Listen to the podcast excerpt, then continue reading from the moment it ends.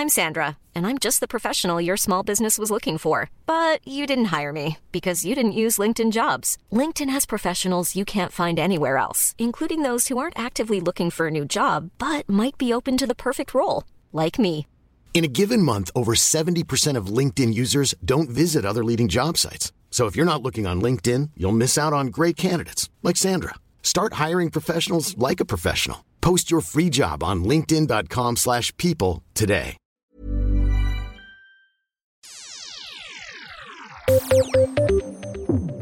Norsk Filmforbund har vedtatt en resolusjon som krever at Norge kutter utslippene i tråd med Parisavtalen. Det faller ikke i god smak hos alle. Forbundet er kuppet av klimaaktivister, mener filmregissør Nils Nesse, som nå har trukket seg fra Filmforbundet i protest. Er det riktig av Filmforbundet å ta stilling i oljepolitiske spørsmål? Igjen har klimaaktivister gått til angrep på kunst i klimakampens ånd. Denne gangen er det to aktivister fra organisasjonen Just Stop Oil som knuste glasset til verdenskjente Rockby Venus av Diego Velázquez. Eh, Er det greit å ødelegge kunst i klimakampen? Tidligere statsråd Ola Borten Moe refser politiske journalister. Ganske mange journalister er langt mer offentlige fjes og figurer enn mange som sitter på Stortinget. Men i pressen må man være redaktør for å være en offentlig person, sier han. Bør det være samme spilleregler for politiske journalister som politikere selv? Du hører på Etikk og estetikk. Podkasten er tilbake i femte sesong og syvende episode. Produsent er Adrian Eriksen, researcher Peter André Hegg og programleder det er meg, Danby Choi.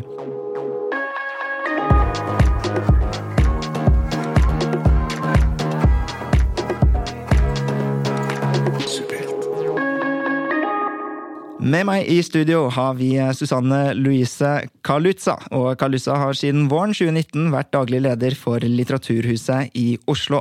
Men før det har hun gjort veldig mye. For å nevne noe så har hun skrevet fem bøker, eh, og hun har nesten blitt influenser med 10 000 følgere på Instagram. Og dessuten har hun laget sin egen matboks. Kalutza har hatt en rekke jobber innen mediebransjen. Hun har vært tidligere rådgiver i PR-byrået Trigger, redaktør for nettstedet Kvinneguiden og nettavisen foreldre.no, og som journalist i Dagbladet. I 2019 ble hun også valgt inn som vara for Arbeiderpartiet i Oslo bystyre.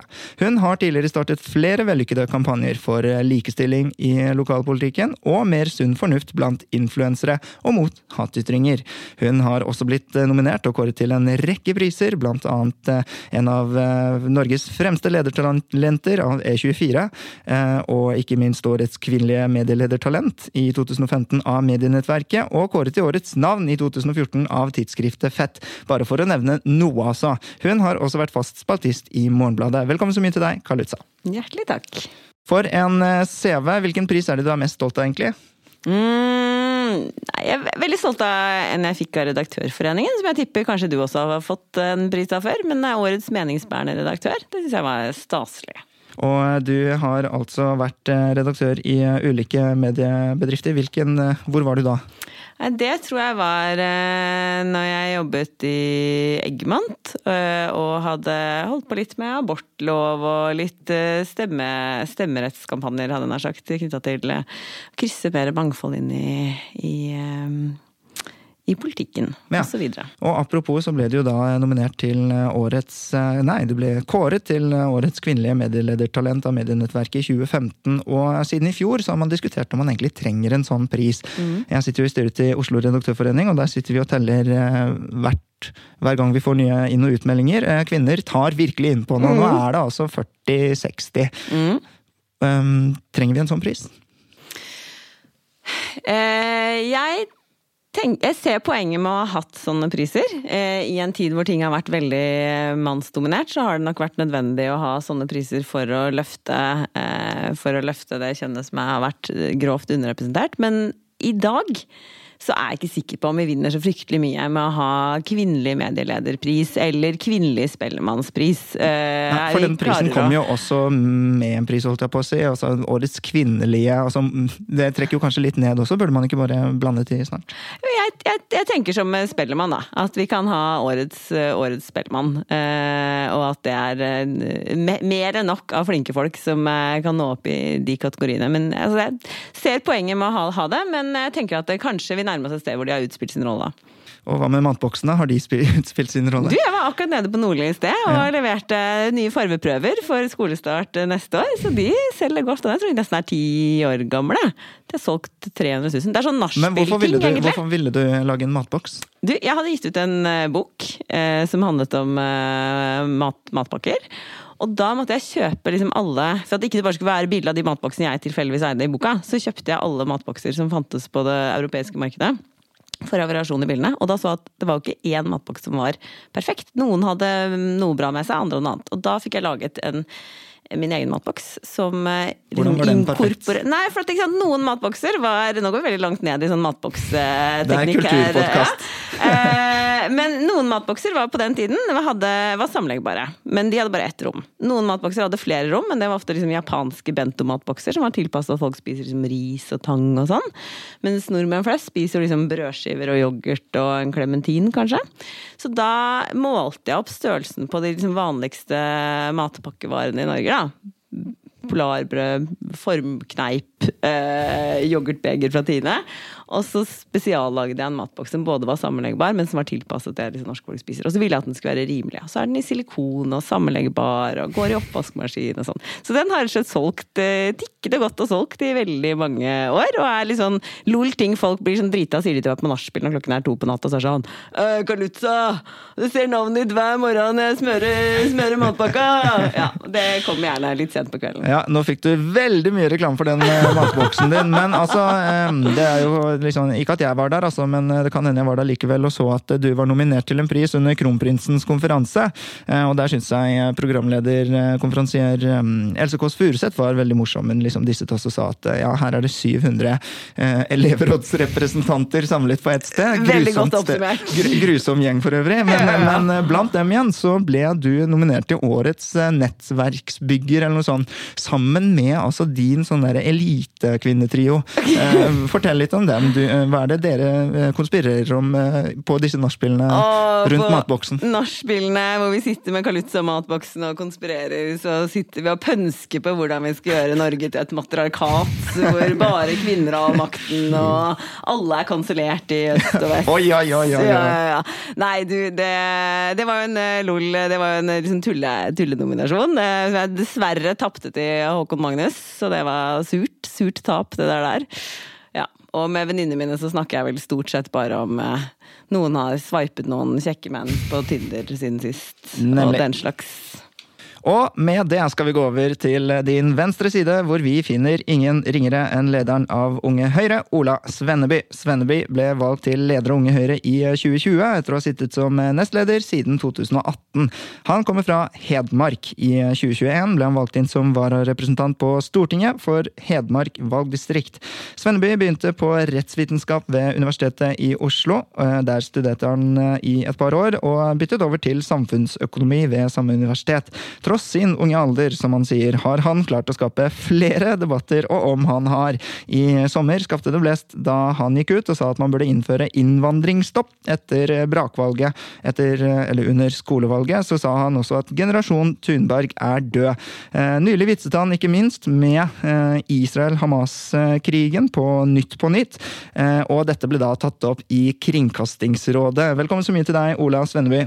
Takk, takk. Fremdeles ikke kansellert, altså? Det er, det er noe som eh, jeg, Vet du hva, jeg synes, for helt ærlig, jeg, det er mye dritt, liksom, men av de kjipe debattene jeg har stått i, positivt overrasket over norsk samfunnsdebatt. Det må jeg faktisk uh, si. Så jeg har i hvert fall mulig jeg har sluppet billig unna, men jeg syns egentlig det har gått overraskende greit. Ja, fordi du har jo helt sikkert eh, fulgt med en god stund. Merker du en endring i samfunnsdebatten og klimaet?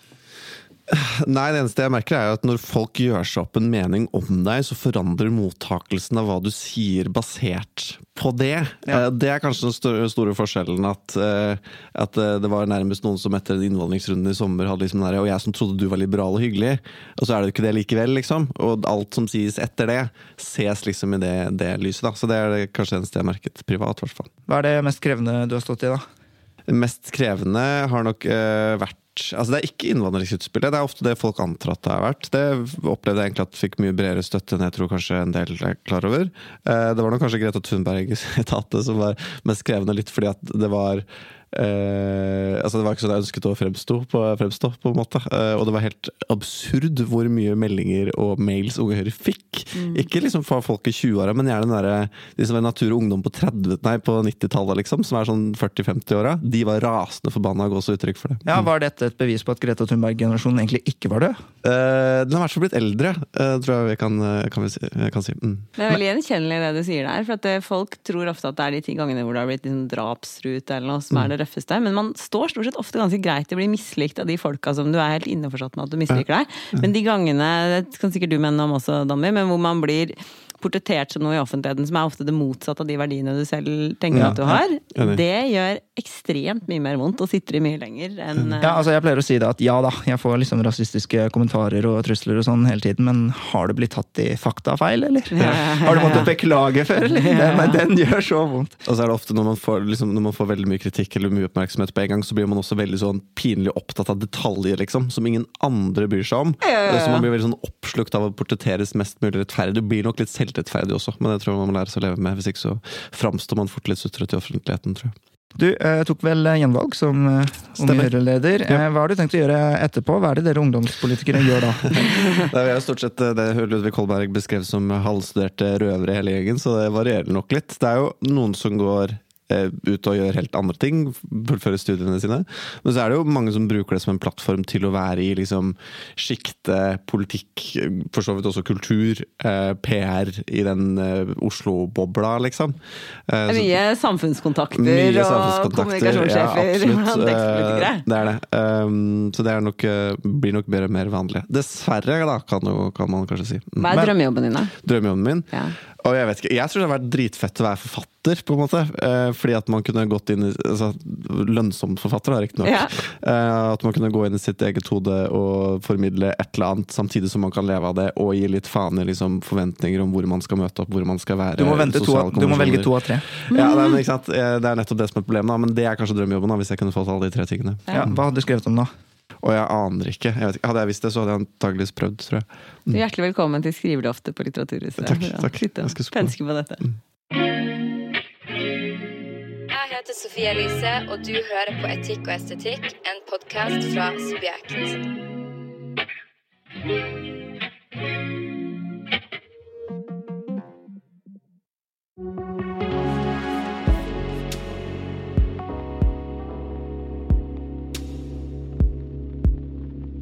Norsk Filmforbund har vedtatt en resolusjon som krever at Norge kutter utslippene i tråd med Parisavtalen. Det faller ikke i god smak hos alle. Forbundet er kuppet av klimaaktivister, hevder regissør Nils Nesse.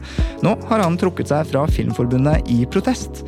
Er det riktig av Filmforbundet å ta stilling i oljepolitiske spørsmål, Susanne Kalutza? Ja. Er det riktig av Filmforbundet å ta stilling i oljepolitiske spørsmål, Svenneby? Nja, tror jeg jeg sier. Ok, vi starter hos deg. Hvordan våger du? Uh, nei, altså jeg, jeg hadde jo kunne fort ha svart nja, jeg også. Jeg skjønner, jeg skjønner på en måte bekymringen til han eh, medlemmet som nå har meldt seg ut. Jeg tenker det handler også litt om hvorvidt man ser på det som en fagforening eller ikke, da. Eh, fordi en i en fagforening så er det faktisk ganske vanlig at de tar politiske ståsteder. Det har på en måte vært en viktig rolle fagforeningen har tatt opp igjennom. Ehm, jeg skjønner at han er bekymret for, at, for liksom den frie kunsten. Eh, samtidig så kan man vekte det opp mot liksom organisasjonsdemokratiet. Ehm, og her har jo folk eh, stemt. Og så er den avstemningen virker jo litt sånn rart rigget, da. I at det var to alternativer som var Eller i hvert fall det ville jeg- det ville nok jeg fort ha reagert på. jeg. Det kan vi gå inn det var på to. Det var to alternativer som var pro olje. Ja. Og så var det en som var på en måte Eller som var pro, pro å, å si nei til olje, og en som var på en måte å fortsette som Den før. var til og med pro, den siste, egentlig. Ja, More ikke sant? Ja, ja, ja.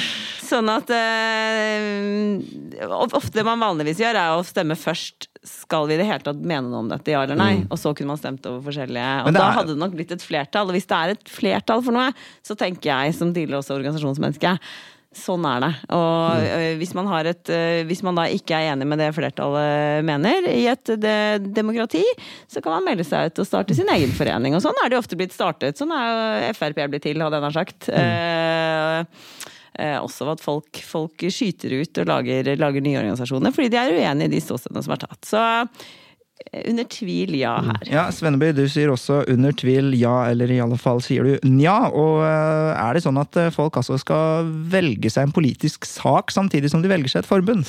Nei, altså grunnen til at jeg svarer nja, er at eh, jeg mener at hvis spørsmålet er burde et, eh, et forbund à la dette ha muligheten til å vedta noe om oljepolitikk, så mener jeg at svaret på det er ja. Men hvis du stiller meg spørsmål om jeg mener om, om at det er et klokt vedtak, så er svaret på det nei. Nei, og hvorfor er det ikke det? Det er litt forskjellige årsaker, egentlig. Det første handler om at eh, egentlig hvordan man forvalter det vedtaket. Da. Jeg tror det er ganske avgjørende at det ikke oppfattes som en sekt, hvor du må være enig i alle de politiske vedtakene som gjøres for at du skal kunne være medlem der, eksempel. Det er jo bud én. Um, og nummer to tror jeg handler litt om den liksom, kunstneriske friheten. Jeg syns i deler av kunstlivet, eller kulturlivet, så er det en slags blindhet for at det å bestemme seg for å se verden fra ett én vinkel. Hvis formålet ditt er godt, f.eks. ønske om klimapolitikk, så, så, så blir man blind for å kunne ha andre perspektiver. Er Kjenner du deg igjen i det i kulturlivet? Eh, Jeg tenker jo at det er eh, åpenbart paradigmer i norsk samfunnsliv eh, som er vanskelig å opponere mot. Og jeg tenker at det er jo nettopp der kunsten har en ekstrem viktig rolle. Det er sånn vi pusher samfunnet fremover. Det er jo ved at forfattere og filmregissører og andre Ja, men skal ikke de Tar- opponere litt mot paradigmene? Ja, det er det som er poenget mitt. Eh, ved at forfattere og, og filmfolk og andre eh, tar eh, mindretallets synspunkter, løfter andre stemmer. Det er, det er sånn vi får liksom pushet samfunnet fremover. Da. Eh, og jeg tenker at du må kunne være med i Filmforbundet og allikevel tenke at det er legitimt å f.eks. Følge, en, eh, følge en oljearbeider på jobb over et år og lage en film om det, uten å føle at liksom, din egen forening er mot det. Så ikke sant? jeg også er, balanserer her mellom liksom, Selvsagt skal en fagforening i et demokrati kunne stemme over hva de vil og, og ta ståsted. Samtidig så er det utrolig viktig at vi beholder den kunstneriske friheten. Da. Enig. Så kan man si at Men- klimasaken er så eh, på en måte altomgripende Ja, det er, jo ødeleggende det, det er jo det man sier, da. At det er en liksom. sånn veldig universell sak. Men er den så universell? Altså, Klimasaken er universell, men jeg tror man lurer seg selv hvis man tror at løsningene på klimaproblemet er en, en, en gitt formel som av en eller annen grunn politikere velger å ikke forholde seg til. Mm. I så fall så mener jeg kanskje det sier noe for så vidt egentlig litt om menneskesynet til de som er uenige med deg. Hvis en forutsetning at, for at de er uenige med deg, er bare at de har ikke forstått sitt eget beste. på en måte. Eh, Og det andre er at det, det tar ikke inn over seg kompleksiteten i hva god klimapolitikk faktisk er. da. Og så syns jeg kanskje at dette problemet ikke? Jeg, jeg synes det er bra, jeg er helt enig. det er Bra at kunstnere velger å ta liksom, kontroversielle standpunkt, at de utfordrer den bestående, at de utfordrer liksom, paradigmene. Men jeg syns også at de da skal være litt beredt på å bære kostnadene av det. Um, for å dra en liten parallell, f.eks. Det var jo flere uh, musikere som uh, tok til orde for boikott av jazzfestivalen i Kongsberg, fordi at de tjener penger på Eller hadde, hadde Våpenfabrikken som, som sponsor. Antageligvis da, den våpenfabrikken som betaler da overskudd til norske staten, som igjen betaler lønningene til mange av de musikerne som nekter å møte opp. Så jeg syns det er noe rart i å være kunstner på et oljedopet statsbudsjett. Ja. Og vedta å være imot det. Liksom, da, da, jeg mener at det, for egen moral, hvert fall hvis du skal være moraliserende i tillegg, da, nettopp med, med at du skal argumentere at dette er så altovergripende, så, så burde du ta konsekvensen av det også. Susanne Kalutza, man har jo hatt eh, mange kampanjer i kulturlivet om at man skal slutte å oljestøtte kulturlivet osv. Man skal også ikke få penger, våpenpenger. Men altså, Kulturrådet er jo nettopp det. Oljepenger og eh, våpenpenger og så videre. Er det et eh, paradoks her, eller er, vi, altså, er, er man se, Tror du kunstnerne har sett det? Jeg tenker at uh, I det minste så meler man jo ikke sin egen kake da, når man argumenterer for å, for å avslutte leting etter olje og gass og uh, følge opp Parisavtalen og dermed ha mindre oljeinntekter til Norge, som fører til mindre penger vi kan, uh, vi kan dele ut til kunstnerne. Så, så, det er på en måte det, det, det motsatte av å, av å, prøve å styrke og vokse pengene til sin egen bransje. Um, så, Altså, eh, Vi hadde altså eh, tre alternativer å velge blant, revy, sier jeg, de, eh, disse Filmforbundet-medlemmene. Og de kunne altså velge to negative, eller altså positive eh, alternativer til at de skulle vedta en resolusjon. Og det nøytrale forslaget, alternativ tre, som fikk 193 av 687 stemmer, det lød som følger. Norsk Filmforbund skal fortsette sitt engasjement for bærekraft og redusert klimaavtrykk i TV- og filmbransjen, men ikke vedta en resolusjon mot oljeleting. Og det er klart at eh, klimasaken har en, et universelt aspekt, selvfølgelig. Og Parisavtalen er kanskje også noe vi er forpliktet til, oss, og så videre. Men altså Ikke kanskje forpliktet til, ja, vi har forpliktet til Parisavtalen. Også, ja. også, men så er det likevel sånn at kunstnere må jo få lov til å opponere mot det. Er det sånn at uh, alle filmskapere skal uh, liksom være klimaaktivister? Kan det ikke til og med være det motsatte? Klart det kan være det motsatte. Ja. Klart det kan være det motsatte. Må man starte et eget filmforbund da? Nei, men, men, men, det som jeg synes er litt rart, da, er jo at dette har jo antakeligvis mye med mitt eh, standpunkt hvor jeg ser politikken fra, som jeg er fra antakeligvis mer konservativ vinkel enn en mange andre, egentlig. Eh, men at man liksom fremstiller det som modig av en del kultur, enten det er forbund eller næring eller hva som helst, å ta standpunktet at vi skal slutte etter oljeleting. Jeg tror ikke jeg kan vite om noe så konsensuspreget i de sirklene som å vedta det. Mm, mm. Det er jo egentlig bare å liksom gå med flokken det av sine egne. Um, så jeg er i hvert fall uenig med de som liksom mener at det på en måte er å utfordre slags det bestående kulturlivet. Det er det jo, er jo overhodet ikke. Og så kan man argumentere med at øh, jo, men de bidrar i hvert fall til å liksom utfordre samfunnet generelt. At, kunsten, at man da tar kunstens rolle i samfunnet på alvor. Men jeg syns jo, og igjen, dette antakeligvis, henger antakeligvis sammen med mitt, mitt uh, verdenssyn, men syns jo egentlig at i den grad du ser paradigmeskifter i liksom, samfunnslivet i stort, ja, der du kanskje kan se tegn til ideologiske skifter eller tilnærminger til, eh, skifter tilnærmingen til, til kunst- og kulturlivet, så skjer jo de uavhengig av kunstnere. Det er jo egentlig mye større grad et, et, et slags grasrotopprør. F.eks. karikaturopprøret. Arkitekturopprøret ja. er det beste eksempelet på det. Og der står kunstnerorganisasjonen litt på utsiden. Og det kan jo tenkes da, at det henger litt sammen med en, en, en slags eh, jeg vet ikke hva jeg skal kalle det, renhetstanke, eller liksom at man samler troppene nærmest. da. Syns du vi er gode nok til å ivareta meningsmangfoldet i kulturlivet? Susanne Kallitza? Det er veldig viktig å ikke overdrive eh, på en måte problemstillinger. Eh, og i Norge så mener jeg at vi har ganske god ytringsfrihet. Eh, jeg tenker at man kan stort sett si det man vil uten at Eller man kan si det man vil uten at staten kommer inn og fratar deg penger, f.eks. For eksempel, fordi at du har ytret det ene eller det andre. Eh, Men likevel så syns 52% av de unge at det, de bare dropper det, de å si hva de mener av frykt for kanskje å ikke oppleves politisk korrekt nok, sånn som når alle filmforbund og, og, og foreningene kan, vedtar meninger. Kjenne, jeg kan kjenne meg inn i det. at Jeg syns personlig at det har blitt mer ubehagelig. Jeg har stått i samfunnsdebatten slightly lenger enn deg, liksom. Mm.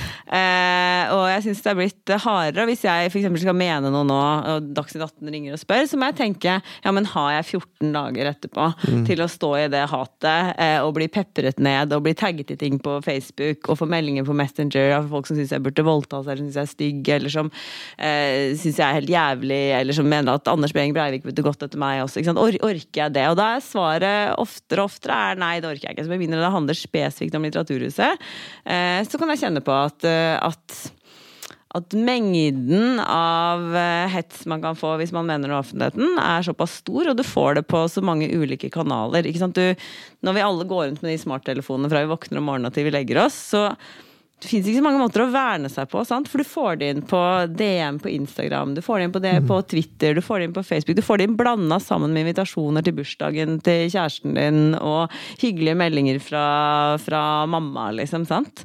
Eh, så jeg skjønner veldig godt at, at unge, unge, føler på det. Det tenker jeg jo at det er en demokratisk utfordring. Men om, om det er spesifikt avgrenset for kulturlivet, altså Kulturlivet er vel ganske konsensuspreget, sånn som mm. Norge ofte er, da.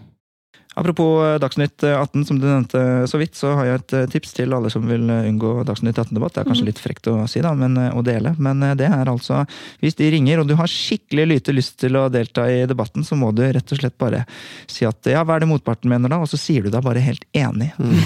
Da er de helt uinteressert i å få deg med i debatt! De skal ha konflikt og krangel. Og sånn, nei, men Så da må man helt- ikke ha ment noe om det i forkant, da, for da er du fucked. Ja, men bare, liksom- Du kan ha blitt enig siden. ja, ja, ja. ja, når som helst. For et minutt siden. Bare dropp den abortloven, vi trenger ikke det. nei, nei, jeg kommer bare til å nikke med. Altså, men bare det med konsensuspreget eh, i kunstkulturlivet. kunst- og kulturlivet Veldig ofte så er jo konservative sitter jo og klager på liksom, og det er så mange journalister som stemmer på venstresiden, det er så mange lærere som er på venstresiden, det er så mange kunstnere som er på venstresiden. En del av løsningen for det er jo rett og slett også at flere konservative må velge å gå inn i de Ja, næringene også. ja. Og der er jo Gjør noe eh, Ja, men virkelig. Og der er jo min side for, for dårlig, og der er man jo for, for, enkelt da, å sitte og klage på at man savner konservative stemmer, liksom. Ja, og fordi jeg sant, har den jobben jeg har, så sitter jeg og leser stort sett alle bøker som kommer ut i Norge. Jeg og folka mine, jeg leser ikke de alene. Sant? Og så jeg ser jo veldig, veldig stort sprik, da, sant? En veldig stor og fin variasjon. Og ser også eh, på en måte hvordan kunsten, og i hvert fall litteraturen og bøkene, er med på liksom, å pushe ting framover. Altså, den ene dagen så sitter jeg kanskje og og eh, har besøk av en forfatter og leser en bok som handler om det å være kven, som jeg ikke jeg kan nesten noen ting om, sant? eller om å plutselig finne ut at du er samisk. Og så i neste så hadde jeg besøk av um, Tori Peters, som har skrevet om det å detransisjonere som trans, eksempel.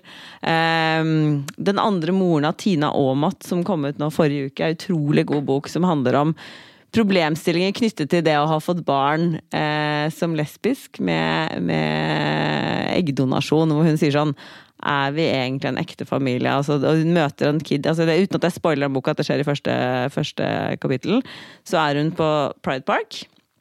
Og ser plutselig en kid som er helt lik som sin e- egen kid. Og skjønner at ja, men dette her er jo sannsynligvis den biologiske broren til min sønn.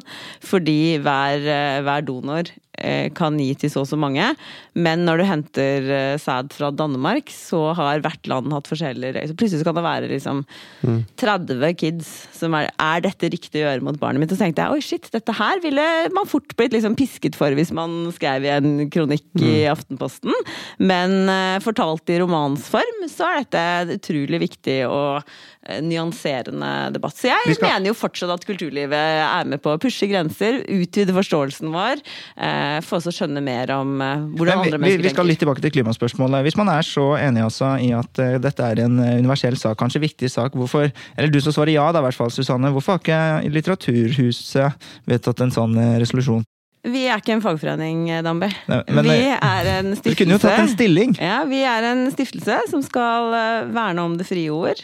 Bidra til en mer kunnskapsbasert offentlig samtale og spre litteratur, bøker og lesing i bred forstand. Men Men jeg- klima er jo så universelt. Ja, og måten vi løfter fram ting på, er jo å hente forfattere som er kloke til, eh, til Norge, eh, og få belyst problemstillingen ved hjelp av bøker og kunnskap. Eh, og det er klart vi har forfattere som snakker om klima, vi har forfattere som snakker om andre ting også. Vi har deg på besøk, vi har Lisa SOL Knutsen på besøk. Vi skal favne et eh, meningsmangfold på huset vårt. Ja, men skal hun også ha ytringsfrihet? Nei, det kan vi kansellere, Dambi. Nei da, jeg tuller. Og så tenker jeg at Filmforbundet de, de? Dette er jo ikke en fiks idé de har fått. De stiller seg jo på en måte på, på linje med som du også sier, med, med ganske mange andre. Har det en verdi i seg selv? All den tid politikerne våre ikke ser ut til å klare å på en måte oppfylle kravene i den avtalen de selv har valgt å signere, så tenker jeg det har et verdi i et demokrati at hver av en av oss sier 'det syns vi dere burde gjøre'. Eh, så det har jo da norske filmregissører, Ja, Dramatikerforbundet, altså, mener det Unge er? Kunstnersamfunn Hva? Det er demokratisk bestemt. Ja, ja, dette, Mm, ja. Sånn, sånn er demokratiet vårt. Man stemmer over ting. Ja, Flertallet men, det, mener men det var eh, tre rare alternativer, det ble vi enige om. Og så er det jo kanskje et litt demokratisk, eller i hvert fall et liberaldemokratisk prinsipp at også ikke flertallet skal få lov til å kanskje føle seg hjemme i et filmforbund, da, eller Ikke sant? Og det er en strategisk vurdering Filmforbundet er nødt til å gjøre. Yo! Det er Uge Marstein eh, her, fra Undergrunn Klikk. Du hører på Etikk og estetikk av Subjekt. You know the shit.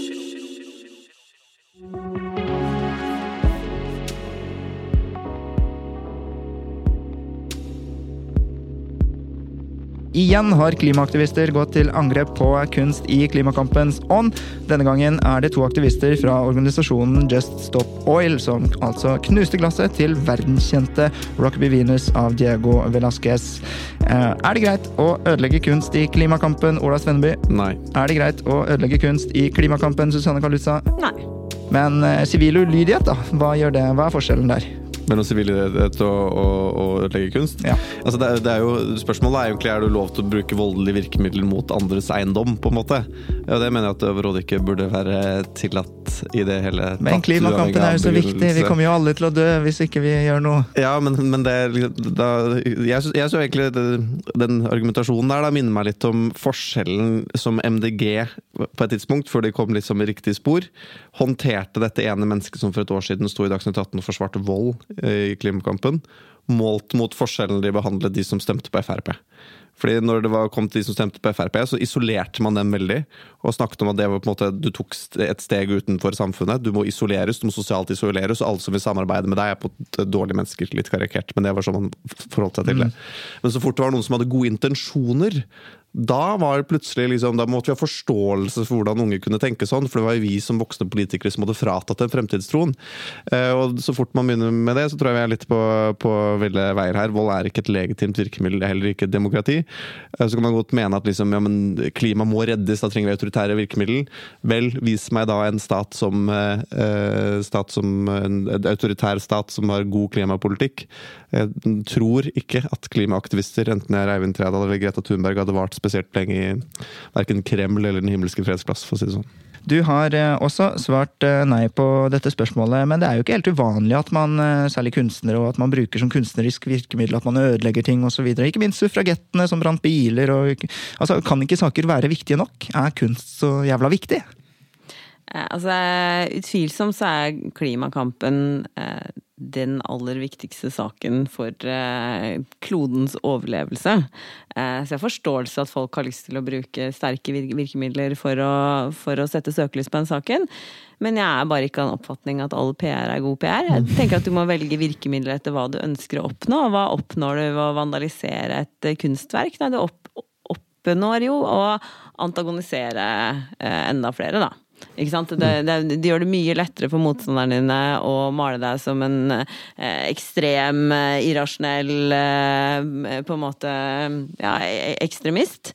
Eh, jeg ser ikke noe kobling mellom kunst og klima. Eh, jeg tenker at du, at du støter fra deg flere enn, med, enn du får med deg. Ruth Bader Ginsburg, 'May she rest in power', eh, den amerikanske avdøde høyesterettsdommeren, sa jo eh, Fight for the things that you care about, but do it in a way that will lead others to join you. Um, det syns jeg ikke man oppnår med en sånn type aktivisme. Og så har du helt rett at suffragetten suffragettene også jobbet på den måten, og faktisk akkurat dette bildet er jo er jo et bilde som har blitt ødelagt tidligere av, eh, av Mary Nettopp, ja. Richardson. Eh, I den saken så hadde jo hun et liksom selvstendig poeng knyttet til at dette er et veldig sånn vakkert bilde eh, av en naken kvinne, og at hun hadde et problem med, med skjønnhetsidealene. Så det var et selvstendig poeng å ødelegge på en måte bildet av en veldig veldig vakker eh, kvinne. Men er det godt sa- nok? hun sa I've tried to destroy the picture of the most beautiful woman in mythological history as a protest against the government for destroying Mrs. Pankhurst, who is the most beautiful character in modern history. Um, så det var Richardsons argument. Um, Syns jeg det er godt nok? Nei, jeg synes ikke det. Eh, Richardson var jo også en suffragett som drev med brannstifting, noe jeg heller ikke mener er innafor som aktivisme, og ble senere en aktiv fascist og var leder for uh, British Union of Fascist. Så jeg syns jo Ikke hun er en person Nei, heller ikke Ingenting er lov lenger.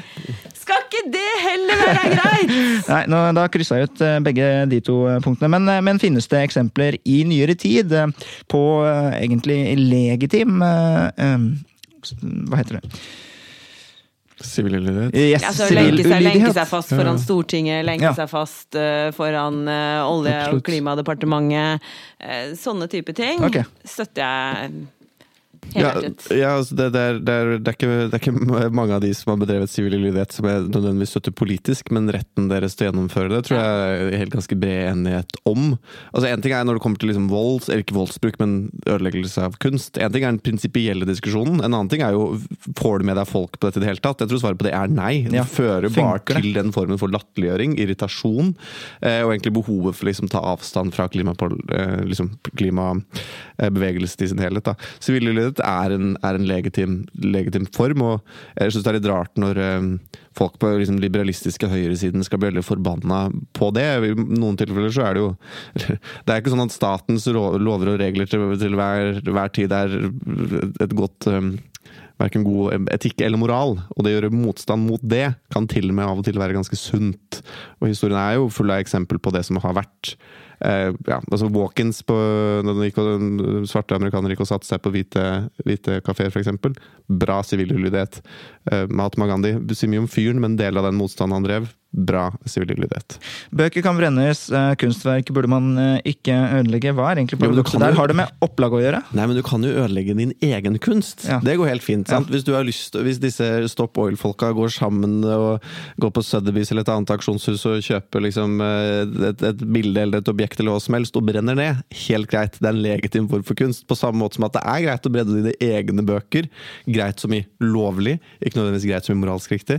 Så det, ja, det er jo en liten forskjell i hvems eiendeler du brenner. Det er ingen tvil om at vi har sett en eh, tendens her, fordi eh, siden mai 2022 til nå er det altså Vi har skrevet i subjekt om 1, 2, 3, 4, 5, 6, 7, 8, 9, 10 ulike tilfeller av eh, kunstverk som blir angrepet.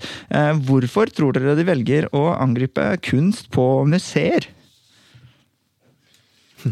Altså Du når jo meningsdannerne, da, for så vidt. Du når jo kanskje den liksom, intellektuelle middelklassen der det gjør mest vondt. Og så er det jo også noe med det at eh, Ta Skrik som et eksempel. Det, hvis du ville klart å ødelegge et verk av den typen, som er viktig for en hel nasjon, så gjør du liksom uopprettelig skade på eh, en del av identiteten nærmest til et folk, og det vil gjøre veldig vondt. Og det er antagelig det som er målet også. Så, så hvis man først skal ødelegge noe som betyr mye for folk, uten å gå etter enkeltmennesker, så er jo det å gå til kunst egentlig ganske smart, tror jeg.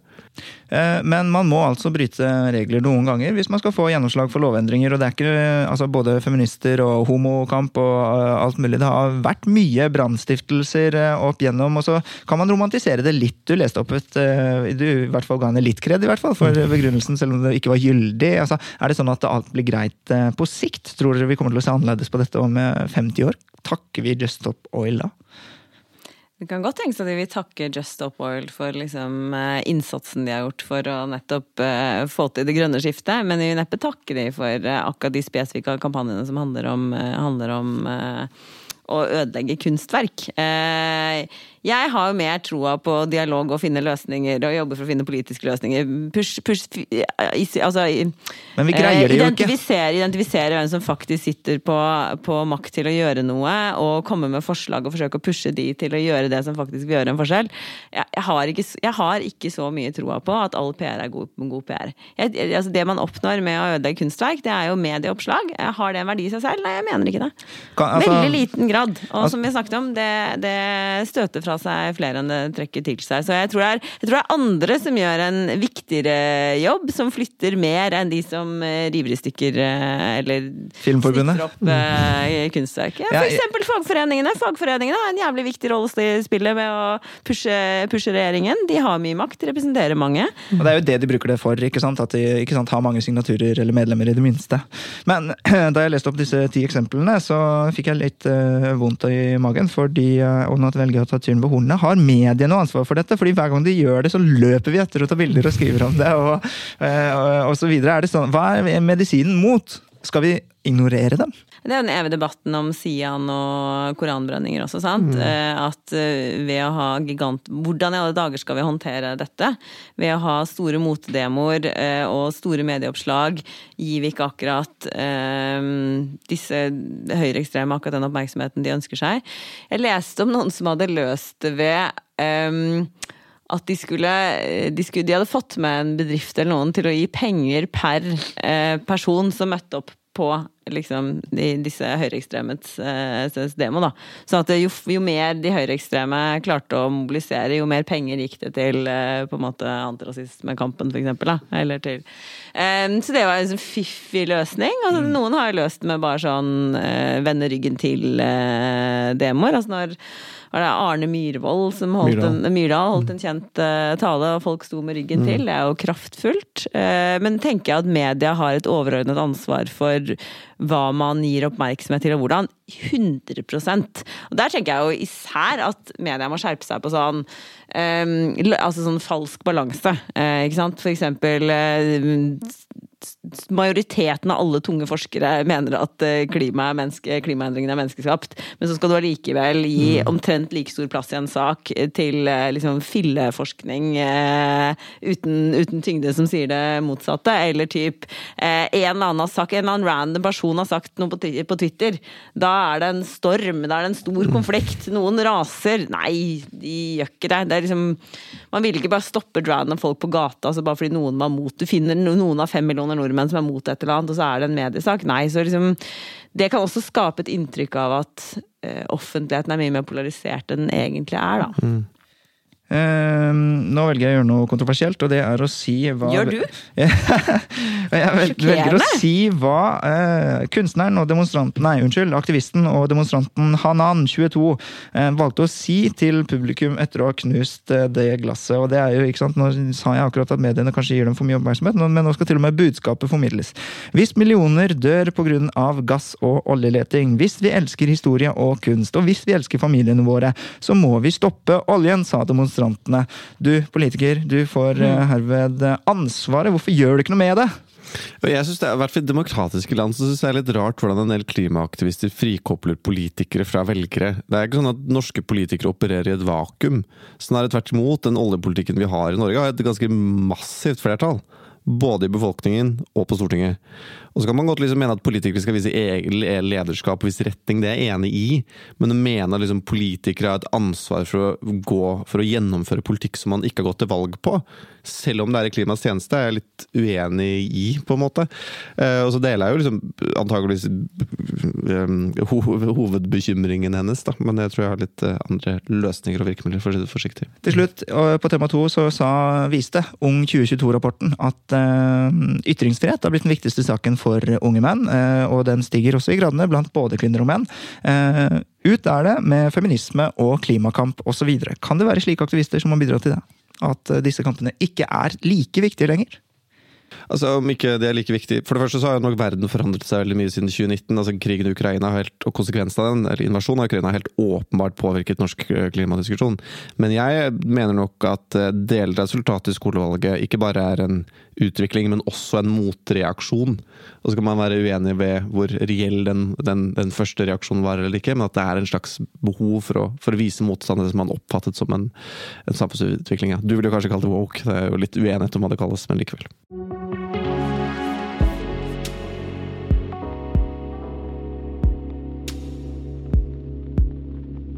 Tidligere statsråd Ola Borten Moe refser politiske journalister.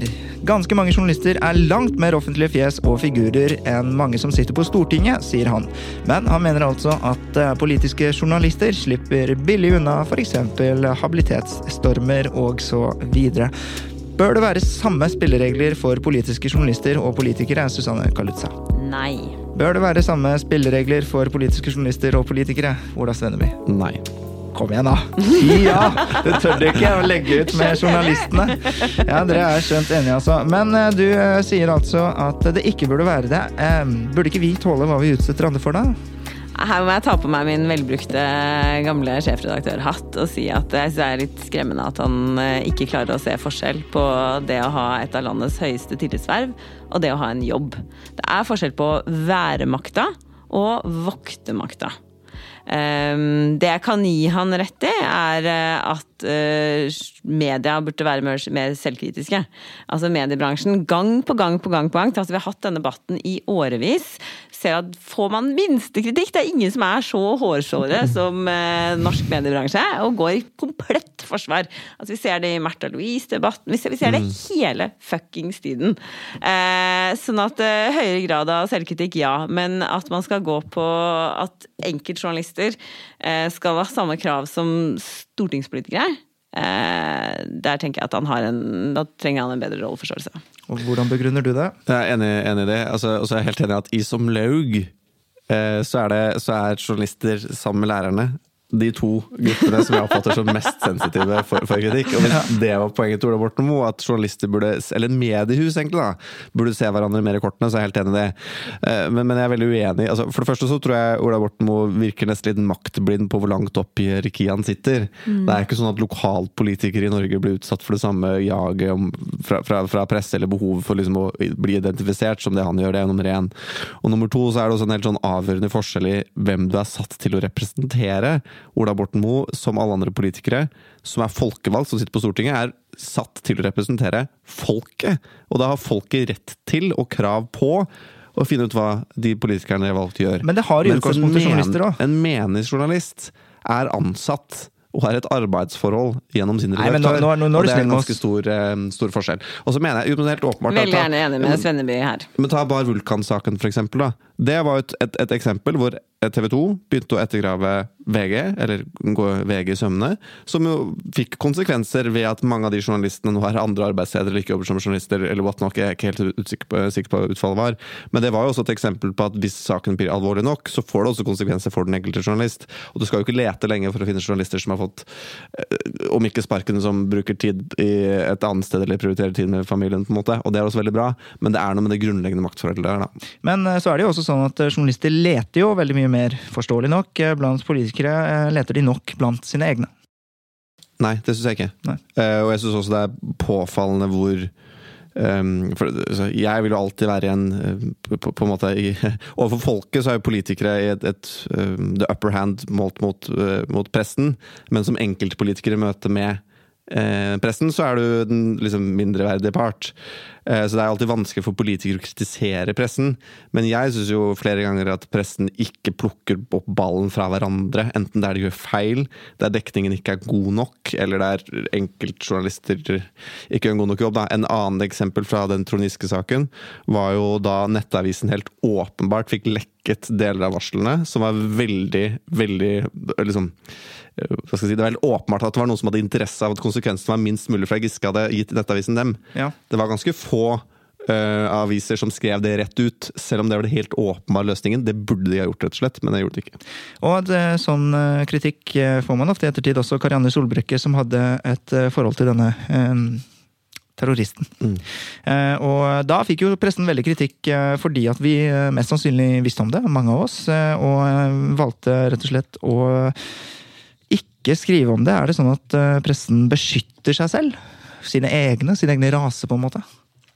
Um, akkurat den saken der er jeg tror, tror, ikke poenget der var at pressen visste det underveis. Poenget var at man ikke identifiserte vedkommende fordi hun bare var et vitne i en straffesak som denne mannen også ble frikjent i, og ikke, ikke, var tiltalt eller siktet for noe som helst. Og da fulgte man de, liksom de presseetiske prinsipper for når man identifiserer, og som jeg regner med de fleste her veit, så har man ikke noe prinsipp for å identifisere folk, egentlig før man har kommet til Ganske mye til for å identifisere folk før de har kommet til en liksom, siktelse eller tiltale, og veldig ofte identifiserer man jo heller ikke før det er en rettskraftig dom. Så det er på en måte de prinsippene mm. som slo inn. Men er, man, eh, er pressen for lite selvkritisk?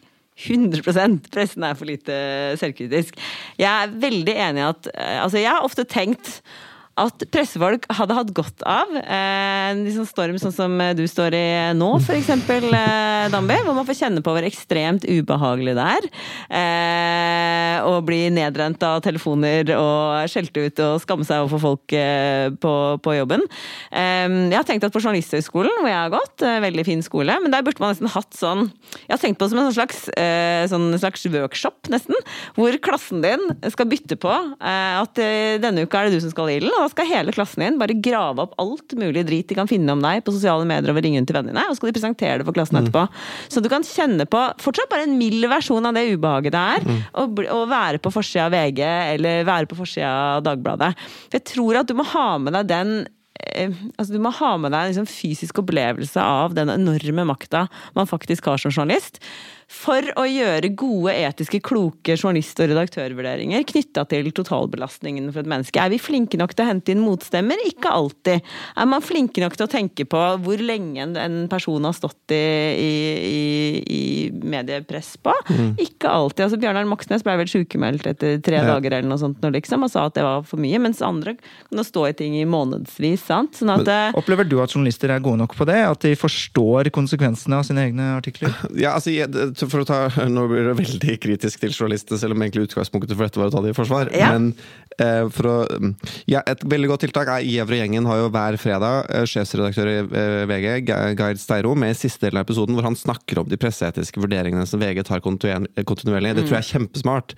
For det er nok veldig ofte at pressen har vurderinger, eh, tar beslutninger, evalueringer, som de nok forutsetter at alle kan, fordi alle i liksom, politikk, kultur, media skjønner hva de tenker, men hvor folk flest ikke skjønner hva de tenker. Og det å liksom få litt fram i lyset, da, den, den, den eh, diskusjonen de gjør, det, det, tror, jeg er, fornuftig. Og det er også spennende å høre hvordan de har reflektert, fordi det har jo vært mm, flere tilfeller hvor jeg har tenkt at fader, hvorfor skriver de ikke om dette? Og så hører jeg begrunnelsen for det, og da, og da ja, selvfølgelig skriver ikke dere om dette, på en måte. Norsk presse skriver, Det er jo alltid veldig mye mer norsk presse ikke skriver om enn skriver om. sant? Eh, og de etiske debattene gjøres jo kontinuerlig i redaksjonen. Og det var noe av det jeg synes var mest interessant når jeg kom inn i Akersgata som ung liksom 19-20-åring og leste liksom rapportene fra redaksjonssjefen og redaktøren og se hvilke, hvordan man har vekta nettopp. Skal vi identifisere, skal vi ikke identifisere?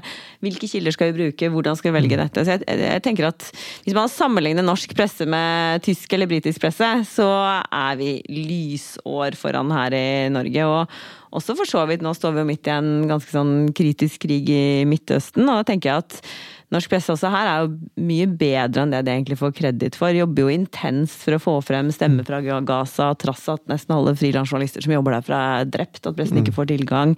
Eh, Altså, de gjør veldig mye kloke og gode vurderinger, helt ned på ordbruk og, og kildebruk.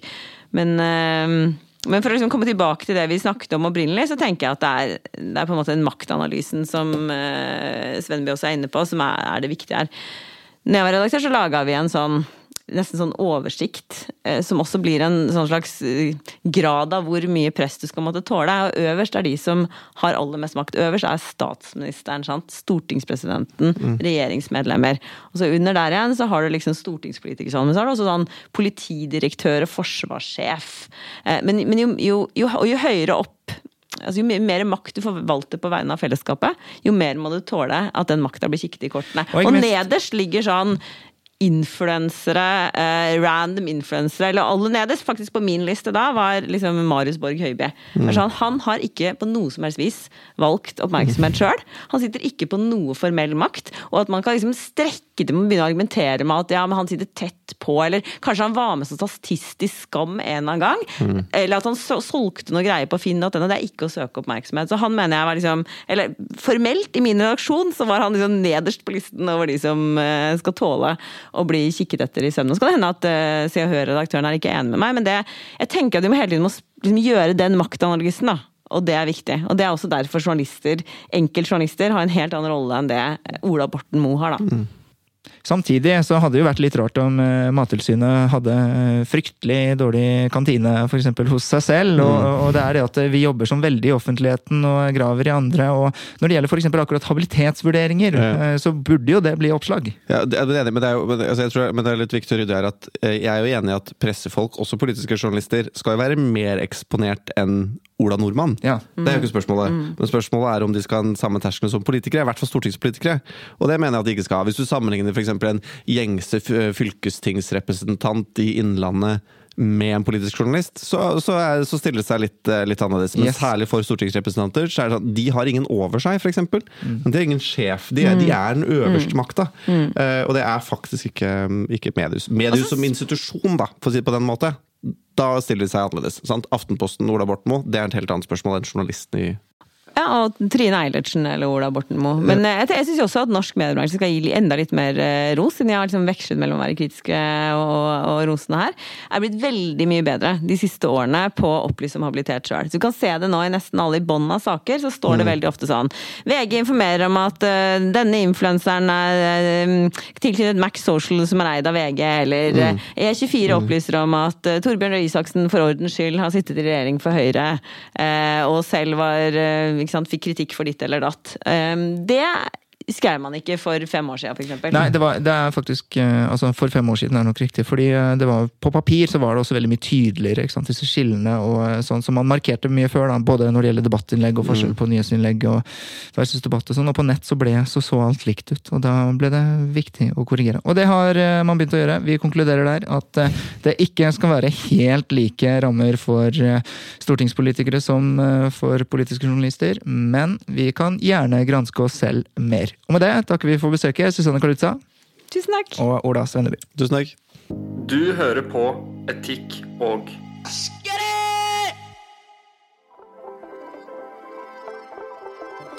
Tusen takk til eh, gjestene som eh, nok en gang eh, bidrar med kunnskap og klokskap til subjekt og etikk og estetikk. Vi eh, håper at du kan eh, følge oss der hvor eh, det er relevant. På Facebook så har vi også en egen Facebook-gruppe som heter Etikk og estetikk. Der diskuterer vi samtaleemner som er relevant for podkasten, rett og slett. Og for subjekt, selvfølgelig. Det er også veldig hyggelig om du kan legge igjen en sånn stjernerangering på Apple Podkaster, om det er der du hører på oss, eller eh, anbefale podkasten videre til den eh, du eh, ønsker å gjøre det til. Ellers så har jeg lyst til å si tusen takk til eh, Fritt Ord, som siden start har støttet Subjekt, men også podkasten Etikk og estetikk.